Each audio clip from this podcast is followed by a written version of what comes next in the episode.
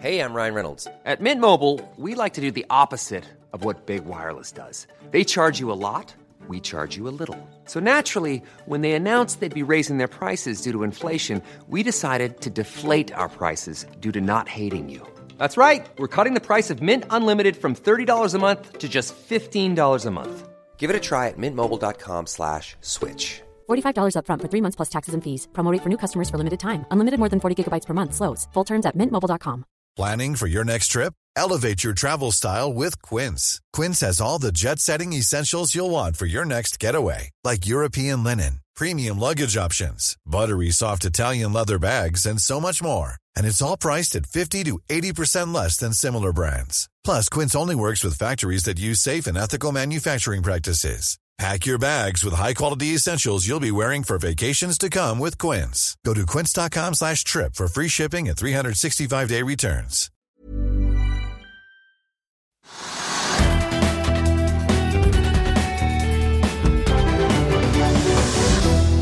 En riktig god tirsdag alle sammen, og velkommen til Økonominyhetene. Mitt navn er Marius Lorentzen. Kalenderen viser 19. desember. DNB er første storbank ut til å heve renten etter at vi så BN Bank og et par andre varsle forrige uke at de holder stand, selv om Norges Bank altså litt overraskende økte styringsrenten til 4-5. Equinor inngår en stor gasskontrakt med Tyskland. Vi har hatt rentebøtte i Japan i dag uten noen endring, og vi får også kvartalstall fra aktører som FedEx og Accenture. Og i dagens sending så spør vi om NHO er blitt best på business eller subsidier. Nestkommanderende Anniken Hauglie møter boligtopp Bård Schumann til debatt straks. Tenkte bare å titte litt på nøkkeltallene i markedet aller først. Det er jo shipping som er i fokus eh, med dramatikken i Rødehavet. Vi så shippingindeksen på Oslo Børs stige 4,4 i går.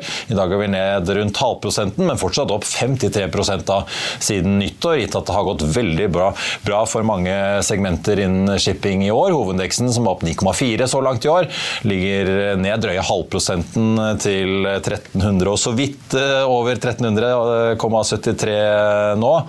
Eh, vi så jo for øvrig da Frontline, som var den mest omsatte aksjen på Oslo Børs i går, og ligger på en god nummer to etter Equinor i dag. Stiger 7 i går og ligger ned da 1,8% i dag. Nedover på kontinentet så er det stort sett grønt i dag, med unntak av London-børsen som ligger og vaker rent rundt null. Vi så de asiatiske markedene ende noe blandet i dag. Futures til Wall Street de peker fortsatt litt oppover etter en moderat oppgang i går. Vi så en kraftig børsoppgang da etter rentemøtet hos Federal Reserve på onsdag.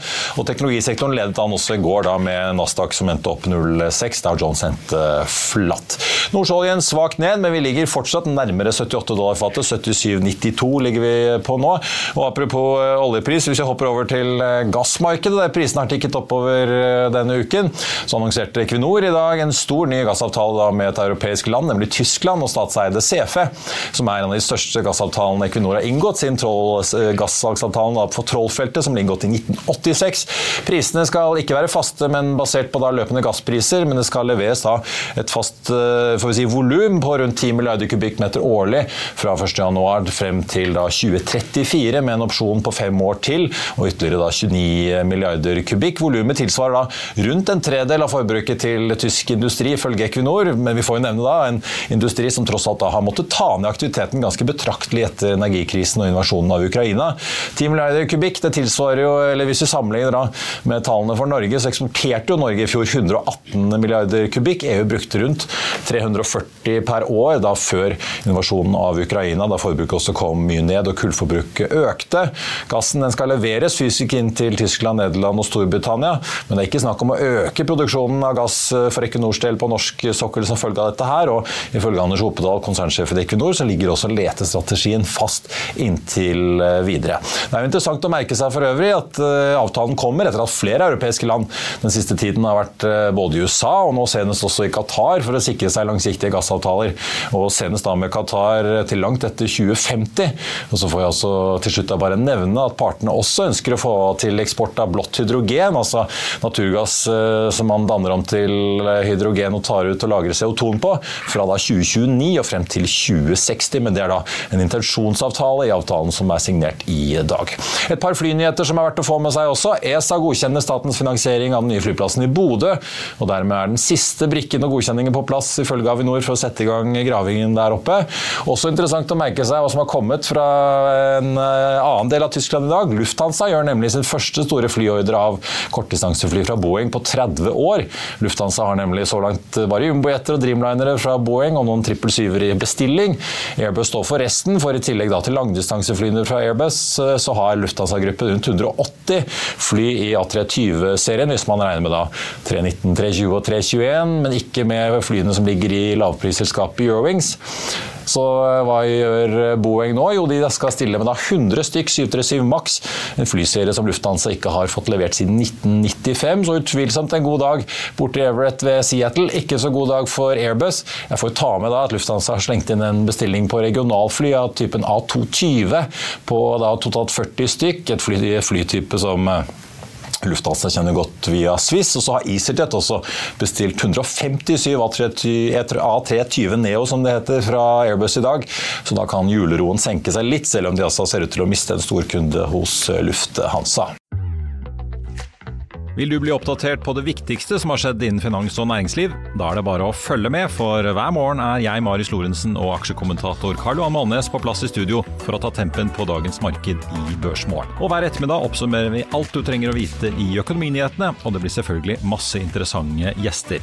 Klikk deg inn på fa.no-tv, eller søk opp Børsmorgen og Økonominyhetene der du hører på podkast.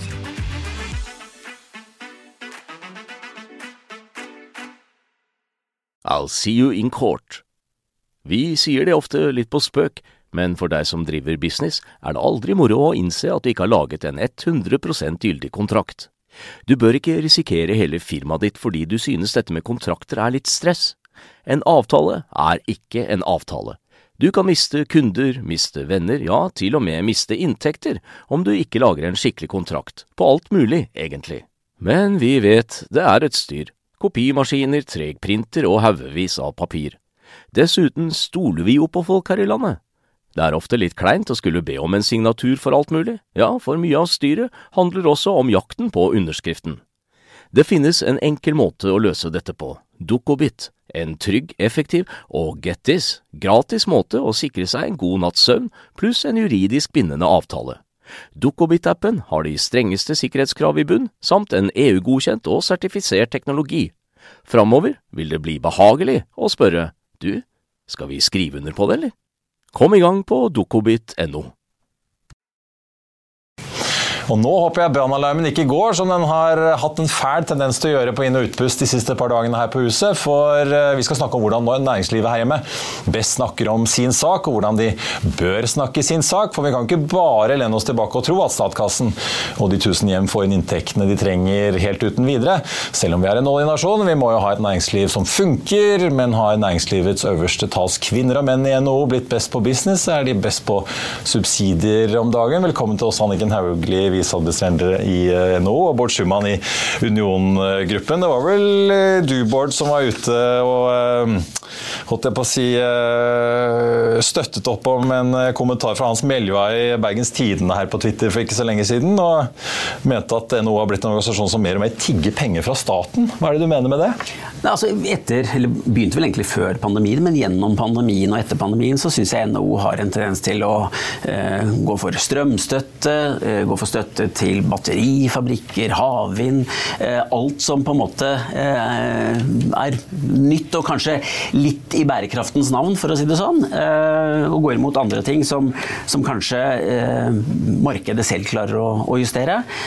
Og det Jeg tenker mer er at jeg mener NHO egentlig skal jobbe for altså, at skattesystemet kan stimulere til mer arbeid, mindre regulering, friere konkurranse osv. Så, så tilbake til litt gode, gamle NHO. Da. Jeg syns man har blitt litt Man er glad i å få penger fra den store, fine statskassa og bruke sugerør oppi den. Men hadde vi jo noe alternativ med en pandemi hvor ting bare ble stengt ned over en lav sko? Du kan si Det sånn, det, det er helt greit, en del av de ting som var gjennom pandemien. Det er fair. Men man har fortsatt etterpå. Man har bare sett at det er mulig å få penger fra statskassa, så da fortsetter vi med det. Ja, ja Du tror det er det at Jan Tore Sanner den gangen skrudde opp kranene så voldsomt? Jeg tror det ble åpnet litt mye, og mange så at her var det fine muligheter. Og så er det klart at i bærekraftens navn så har vi åpna ganske gode kraner rundt omkring.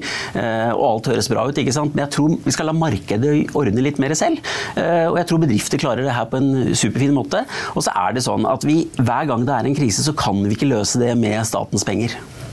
Annike Hauglie, opplever dere dette selv? At dere har liksom dere og næringslivet har endret litt tilnærmingen? At debatten i Norge har endret seg litt? Nei, og jeg er helt enig i at eh, det ikke kan være sånn at hver gang det kommer en krise, så skal eh, staten eh, bla opp. I utgangspunktet så skal jo bedrifter drives for egen regning og risiko. Det skulle bare mangle. Og så har det vært, no, vært noen situasjoner altså Både pandemien var jo veldig alvorlig med full nedstengning. Ikke bare Norge, men også hele verden. Og det skulle bare mangle egentlig om ikke man da eh, forsøkte å Eller at, om ikke myndighetene også var opptatt av å sikre et næringsliv gjennom den eh, krisa. Og så gikk vi ut av pandemien og rett inn i en eh, situasjon med krigføring i vårt eh, eget naboland, eller hvor Russland angrep Ukraina, med den energikrisen som det eh, medførte, og, store forstyrrelser i, verdikjedene. Så det var en veldig alvorlig situasjon. Og så tror jeg også vi må tenke på at um, nå er vi en, Man kan godt snakke om liksom, bærekraftsgreier og sånn, men de bærekraftsgreiene de er jo rett og slett nedfelt i norsk lov. Det er jo Parisavtalen er jo forpliktelser som Norge har, og, og som næringslivet også må følge. Vi skal nå kutte store utslipp fram mot mot 2030. Vi skal ha netto null i 2050. Og det betyr jo en enorm omstilling, ikke bare av norsk næringsliv, men også av hele norsk eh, økonomi. Og så er det nok noe av det som ikke nødvendigvis er helt bedriftsøkonomisk lønnsomt, og kanskje staten også må bidra med risikoavlastning i form av lån, f.eks., som vi har eh, særlig bedt om. Det er lån vi egentlig har bedt om, muligheten til å låne penger til høy rente for å betale det tilbake. Eh, og så er det en del også forutsetninger som skal til for å klare å nå de målsettingene, sånn som f.eks. tilgang på kraft. Så det som vi har ropt mest om de siste eh, par årene, er jo egentlig rammebetingelser i form av eh, lavere skatt, eller i hvert fall ikke høyere skatt. Vi fikk jo ganske kraftig skattesjokk i, i år. Og så er det da tilgang på kraft som gjør det mulig for norsk næringsliv å eh, både omstille det eksisterende næringslivet men også selvfølgelig legge til rette for nye industrier og nye næringer. Men er det liksom lettere å be om et tiltak her, en pakke der, fremfor å heller eh, prøve å holde skattene lavest mulig og ordne opp selv? på en måte? Nei, altså Vi mener jo det aller beste hadde vært om, eh, om eh, bedrifter fikk beholde større deler av sine egne inntekter og kunne gjøre store investeringer selv. Nå har jo ja, alle har Ole Brumm, vil det. nei, nei, men du vet at bare hvis du ser på inneværende år, da, ikke sant? med en økt arbeidsgiveravgift på 7 milliarder kroner, hvor offentlig sektor f.eks. er forskånet for, ikke sant? en formuesskatt som er betydelig økt de siste par årene, så man har dratt inn ganske mye av bedriftenes eh, kapital. Men jeg tror også at en del av de teknologiene som kreves nå for det grønne skiftet, om vi da snakker om karbonfangst og -lagring eller, eller, andre teknologier, så er det så uh, store løft som skal til at uh, en enkel bedrift neppe klarer det alene. Og man er også avhengig av en del infrastruktur som ikke nødvendigvis privat, vil være privateid, men statlig eid, som også staten må bidra til. Men i utgangspunktet så mener vi selvfølgelig at privat sektor skal drives for egen regning og risiko. Og da er det også viktig at staten ikke drar inn alle pengene i form av skatter og avgifter, som gjør at det er vanskeligere å gjøre de helt nødvendige investeringene som skal til nå. Men vi sa strømprisen kom, da.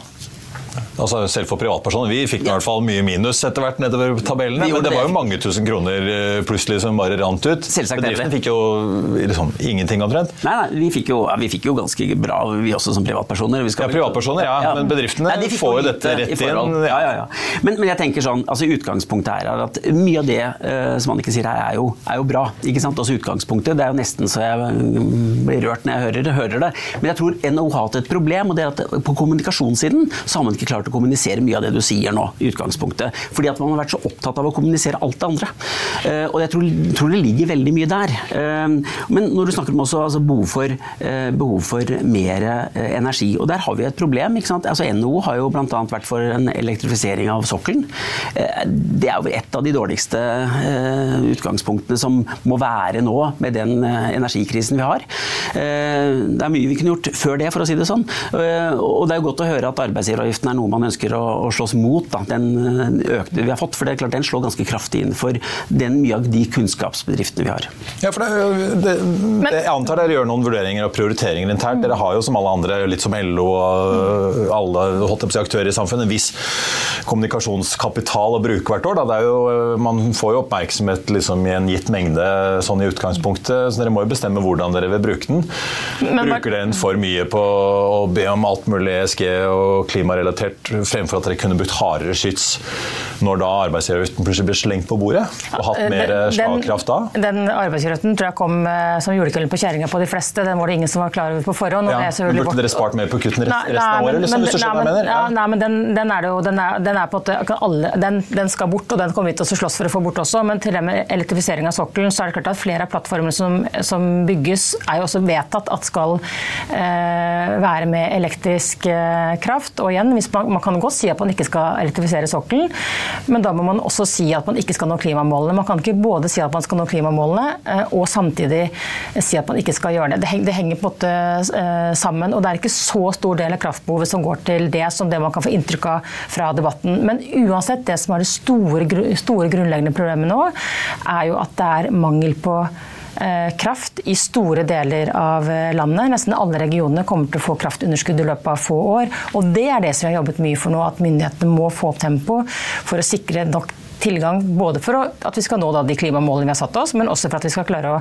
eh, elektrifisere eksisterende næringer, som de må for å få ned sine utgifter og kostnader, for at de skal være attraktive i markedene sine, som stiller krav om dette, og fordi man skal ha plass til nye næringer og industrier eh, framover.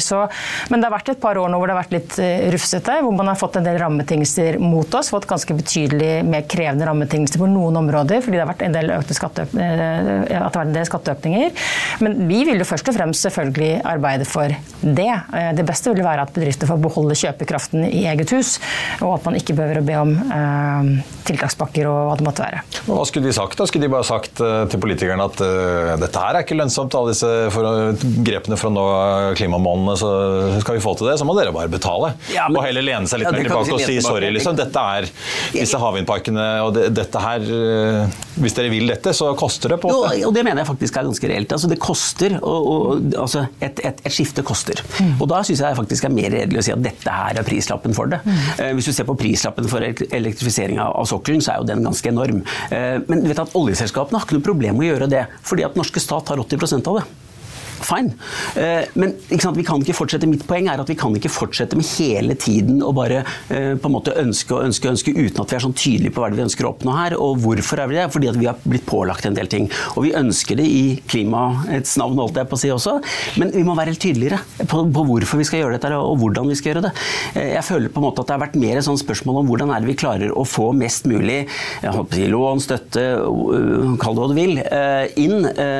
Fordi at vi ønsker å på en måte, Feil å si det, men noen ønsker kanskje å berike seg også, for å si det sånn, i, i, i bærekraftens navn. Det vil jeg påstå. Det er Det finnes sikkert alltid noen. Men eh, jeg har hørt altså Ola Borten Moe har hørt flere som på en måte diskuterer dette her litt, den politiske kapitalen man har, da, hvordan man bruker den. Eh, Og han sa jo rett ut måtte, i den verden vi går inn i Norge nå med strammere og strammere budsjetter, det blir mindre og mindre handlingsrom for politikerne. Da blir jo fightene mer og mer eh, krevende. Da må jo også næringslivet velge litt hva det er man skal prioritere øverst. Da. Og man kan vel ikke både på en måte få masse risikoavlastning og støttetiltak for å løfte opp ny industri og holde skattene lave, eller kunne kontre plutselig fikse ideer om både kraftskatt og arbeidsgiveravgifter og det ene og det andre som plutselig kommer opp litt i tolvte time. Nei, klart at, også, Kan du si litt om hvordan dere egentlig Ja. prioriterer og tenker internt om den? Altså, klart det, viktig, det, som er, jeg tror det, det kommer til å bli det store sjokket i Norge i løpet av noen år nå. At vi vil, kommer til å stå for veldig store prioriteringer framover fordi offentlig sektor i eser ut. Utgjør nå 62 av, eh, av verdiskapingen. Og klart at altså, Misforholdet mellom offentlig og privat sektor er nå såpass stort.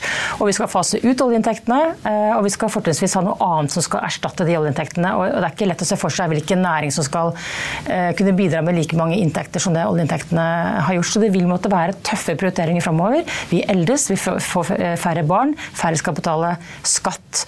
Og det kommer til å bli en stor utfordring. I budsjettet nå så, så vi også hvordan man finansierte løpende driftsutgifter med engangspenger. Dette kommer en, vi kommer til å få en baksmell eh, ganske snart, så alle vil måtte prioritere. Det som er viktig for næringslivet, er selvfølgelig at man har eh, rammebetingelser som gjør at du kan eh, etablere det, skalere opp, bidra til verdiskaping og arbeidsplasser. Vi trenger kompetanse, riktig kompetanse nå. Stor manko på relevant kompetanse som skal dras gjennom bl.a. det grønne skiftet. Og selvfølgelig også et skattesystem som fremmer investeringer mer enn hemmer. Og det så vi jo nå på bl.a. på det foreslåtte skattesystemet på vindkraft. Det hemmet investeringer mer enn å fremme det, og det er jo politisk skivebom. Nå har man kommet med et, vedtatt nå et nytt skattesystem som gjør at vi forhåpentligvis får opp investeringene igjen av kraft, som vi tross alt trenger for å uh, løse en del av de utfordringene vi står i. hvert fall. Men er det, er det en litt dyster sannhet, men er det blitt sånn at uh, NHO og andre må bruke det meste av kapitalen sin bare på å passe på at, at rammevilkårene ikke forverres? Jo, det kan du si, og det gjør det jo. Sånn som det er blitt? Jo, det kan du si. Også, også liksom du sa i sted. Altså Utgangspunktet her er jo at eh, vi skal fase ut oljeindustrien. Oljeindustrien sto for var det 82% av skatteinntektene fra selskaper i fjor. eller noe sånt nå. Altså, det er jo enorme ja, Hvis du snitter de tre siste årene med 21, 22, 23, så er det omtrent 1000 milliarder i året i kontantstrøm. Og, og, poenget er at det skal du erstatte. og da, på en måte, da må du erstatte det på noe, og du må la næringslivet på en måte eh, få muligheten til å vokse. Da. Og, og, da må du gjøre det gjennom å se på skattesystemet, altså gjøre det lønnsomt å investere i langsiktig i stedet for å be om, om, om subsidier. Så tenker jeg sånn, Infrastruktur er et av de viktigste tingene. Det har NHO slåss for, og det bør man fortsette å, å slåss for. Utdanning er jo superviktig. Og så er det det som, som Høgli sier her, i forhold til dette med, med, at det offentlige står for så mye av eh, på en måte eh, utgiftene i, i, Norge i dag. Altså, eh, vi er ganske godt bemannet i forhold til de fleste andre eh, nordiske land, både på helse og undervisning, men vi får jo altfor lite ut av det. Ja. Men er det sånn at dere og LO må bruke mer og mer tid på å bare passe på liksom, status quo av rammevilkår ja, akkurat, i disse budsjettprosessene som kommer nå? Ja, I år var vi jo glad for at vi ikke vi var kjempeglad for at vi ikke fikk skatteøkninger. så klart at det, det er jo Det er ikke sånn det pleide å være, kanskje? Nei. det er ikke sånn det pleide å være. Men ja, vi bruker litt tid på det å holde, liksom holde fortet på det også. Men, men, men, vi har jo sett nå en ganske stor utflytting også av øh, næringslivsledere ut av landet. Og det er klart at det, det er jo signal om at den politiske risikoen nå har vært såpass stor at man velger å flytte ut. Og det vi trenger nå er at flere tvert om flytter tilbake og helst flytter inn. At man investerer i Norge, at man får til eh, investeringer og skaleringer i Norge. Det vil være det viktige. Og så ser vi også et, et moment som ikke er diskutert, og det er jo også hvordan nå Norge på stadig flere områder faller mellom handelsblokkene. Handelspolitikken får en stadig større betydning nå. Eh, handelspolitikken er ikke en del av EØS-avtalen. Det betyr at når EU nå utvikler seg i rasende fart på handelspolitikk, og vi har et USA som, som posisjonerer seg vis-à-vis Kina. Vi er ikke en del av noen av de handelsblokkene som også er en stor utfordring for eh, Norge. Vi har et kappløp, bl.a. vi har Inflation Reduction Act i USA, som handler om å tiltrekke seg grønne industrier. Europa prøver å demme opp ved å finne sin måte å gjøre det på. Og klart Vi er litt sånn in between, eh, som også gjør det selvfølgelig eh, litt vanskeligere i den situasjonen som man er i nå. Det er bra vi har olje, gass, Kongsberg og laks, som det heter, Bård. Men så du, du driver jo i eiendom, da, så det er jo sånn sett uh, ikke, Du er ikke så avhengig av handelsavtaler på den måten, kanskje? Nei, men jeg er jo litt avhengig av renten, jeg, da. Det er du. Men uh, det jeg hører, jeg hører ofte liksom, hvis jeg er rundt i landet og snakker med folk, så er det, virker det jo veldig Det er jo litt sånn Oslo-boble og resten i hvert fall Hvis man snakker om olje- og gassnæringen, så føler jo de eh, på rett eller galt at de sitter der nede i Stavanger og Bergen oppover langs kysten og bare skuffer penger over til Oslo. Og så syns de liksom at vi sitter og diskuterer eh, mye rart, i hvert fall hvis eh, man tar en øl med noen og skravler litt. Mm. Opplever du at det er litt sånn strekk i laget i næringslivet? At ja, du har liksom noen sektorer og bransjer og geografier hvor det er liksom stor verdiskapning og man klarer seg selv, og så har du en stor del som sitter eksponert mot dette presset med stadig økende CO2-priser, og de sitter der og finner hva skal vi drive med om ti år? hvis CO2-prisen er 2000 tonn, og her må vi liksom få noe hjelp av myndighetene snart? Jo, det er klart det er det, og så tror jeg det er en ganske stor forskjell mellom de store selskapene i Norge og kall det eh, de mellomstore mm. i, i, forhold til akkurat den biten der. For de store har eh, for det første, de har kanskje nok kapital. De har ofte eiere, bl.a. den norske stat, som sitter på eiersiden. Og de, de, de, mindre har ikke den på en måte armslaget i forhold til akkurat den biten der. Så jeg tror det kommer til å bli tøft. Jeg tror det blir tøft fremover også. Fordi de litt mindre å, klare seg på den måten. Um, og det har jo vært lettere for de store å få også litt sånn subsidier da, eh, opp igjennom. Ja, opplever dere at det er litt sånn, ikke strekk i laget, men at det er litt sånn flere lag her? For ja, ja. du har jo typ Morrow og Freyr og alle disse som ønsker liksom å, få bistand til å komme i gang. Og så har du jo liksom olje og gass og industri og møbelprodusenter på Sunnmøre og alle andre som på en måte i alle år har klart seg selv og bare sendt penger inn til Oslo. Eh, ja, altså, vi merker at det er strekk i laget i den forstand at noen bransjer går så det suser. altså Apropos petroleumsnæringen, sjømat, finans, også, ja. så går veldig veldig eh, bra. Og så har vi jo da type ja, bolig, bolignæringen som Schumann representerer, som sliter veldig. veldig. Så det er jo generelt sett veldig strekk i laget, og hva man etterlyser av rammebetingelser er litt avhengig av om du har det bra eller om det går dårlig. Det er ikke noe tvil om det. Men, men, men på hele batterisiden så har jo på spørsmålet vært skal man utvikle en batterinæring i Norge eller ikke. Det er, det er ja eller nei-spørsmål på et vis. ikke sant? Og så ser vi nå at Freyr reiser vel antakeligvis til USA, og da er det vel bare kanskje Morrow igjen som, som vil prøve seg. Men, men, der har det også måtte handlet litt om, eh, om rammebetingelser som gjør, gjør, det mulig, men det kan godt tenke seg at man ikke klarer det. Det gjenstår jo for så vidt å, å, se. Men, men ja, det er, jo, eh, det er jo selvfølgelig litt avhengig av hvilken bransje man er i, eh, om det går bra eller dårlig. Noen går det veldig, veldig bra nå, og andre går det dårlig. Ja, okay, ja men det blir jo liksom kryssende interesser, da. Blir det ikke det? Uh, ja, men det, Vi opplever ikke så mye at det er sånn veldig uttalt akkurat uh, det hos oss. Men, men, uh, men, man ser jo selvfølgelig på noen områder så kan det være interessemotsetninger, selvfølgelig. Altså, særlig apropos på kraftsiden. Hvem skal få tilgang på kraft, og kraft er et knapphetsgode. Billig strøm har jo vært et konkurransefortrinn i Norge siden tidenes morgen. og nå ser det ut som at det kanskje ikke lenger er et konkurransefortrinn, at vi blir likere andre land. Og det er vårt mål at vi skal beholde nettopp det konkurransefortrinnet som gjør at det er mulig for Norge å ha industri her i et høykostland. Det hadde jo vært hyggelig å beholde beholde billig strøm. Det hadde vært greit. Ja. Og industri i Norge. Men, ja, men uh, hva tror dere selv, da, bare til slutt? I, med disse budsjettene vi får fremover, er det, er, det, håp om at næringslivet får noe lavere skatter i det landet her? Enten på privatsiden, altså på formuesskatt, utbytteskatt og en del, eller selskapsskatt, eller er det nå bare å glemme, altså, gitt den virkeligheten vi lever i? Jeg tror nok at vi, altså jeg håper at vi ser en endring på, på formuesskatten, for å si det sånn, for den er bare skadelig. Eh, og så er det, nesten bedre at selskapene betaler litt mer skatt, faktisk. Ja. For da beholder vi i hvert fall uh, ønsket om å investere mer i Norge. Men Tror du at det er mulig det å få noe generelle kutt, eller er det, ble det jeg holdt jeg på å si Erna og Siv i sin tid? Jeg, jeg håper at vi kan få en endring på, som sagt, på formuesskatten ja. uh, ved et regjeringsskifte. Um, for jeg tror nå er det så mange som har sett at den er skadelig. Nå er det ikke bare det at de skal bevise det og osv. Nå ser man det såpass tydelig. Så jeg håper det. Og så er det en annen ting som har uroet meg. Vi har en del internasjonale investorer hos oss, og de har jo sagt at nå har jo Norge blitt et land vi må se på den politiske risikoen i.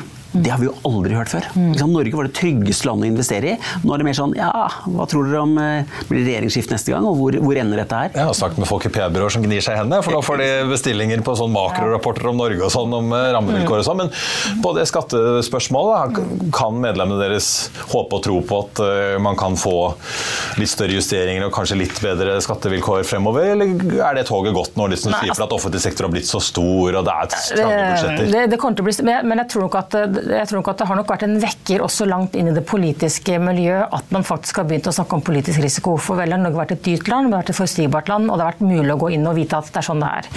Og det at, man nå, og det at det nå oppstår formende mennesker forlater landet, også er et kraftig signal. Og man ser jo nå også at regjeringen har også begynt å endre retorikk eh, mot næringslivet også, og ser på en måte større behov for å, å komme tilbake til der man var, at man må faktisk skape før man kan eh, dele. Nå er det programbehandlinger i alle partiene i løpet av dette året eller neste år. Så øh, jeg tror at eh, det vil i hvert fall være mye tydeligere politiske signaler om skatteletter, tror jeg.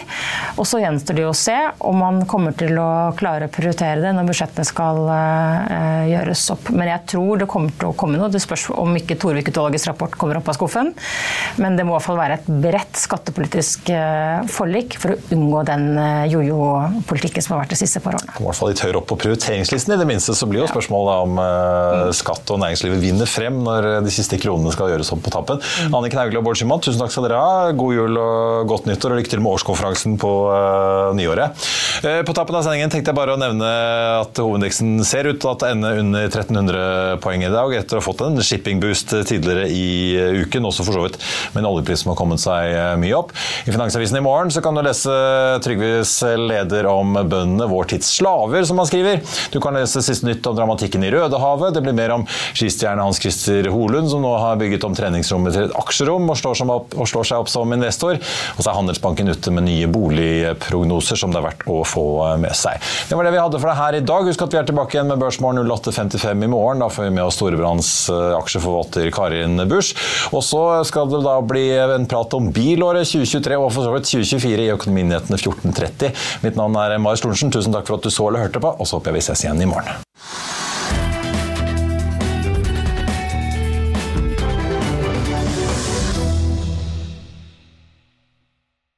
Økonominyhetene er en podkast fra Finansavisen. Programledere er Marius Lorentzen, Stein Ove Haugen og Benedikte Storm Bamvik. Produsenter er Lars Brenden Skram og Bashar Johar. Og ansvarlig redaktør er Trygve Hegnar.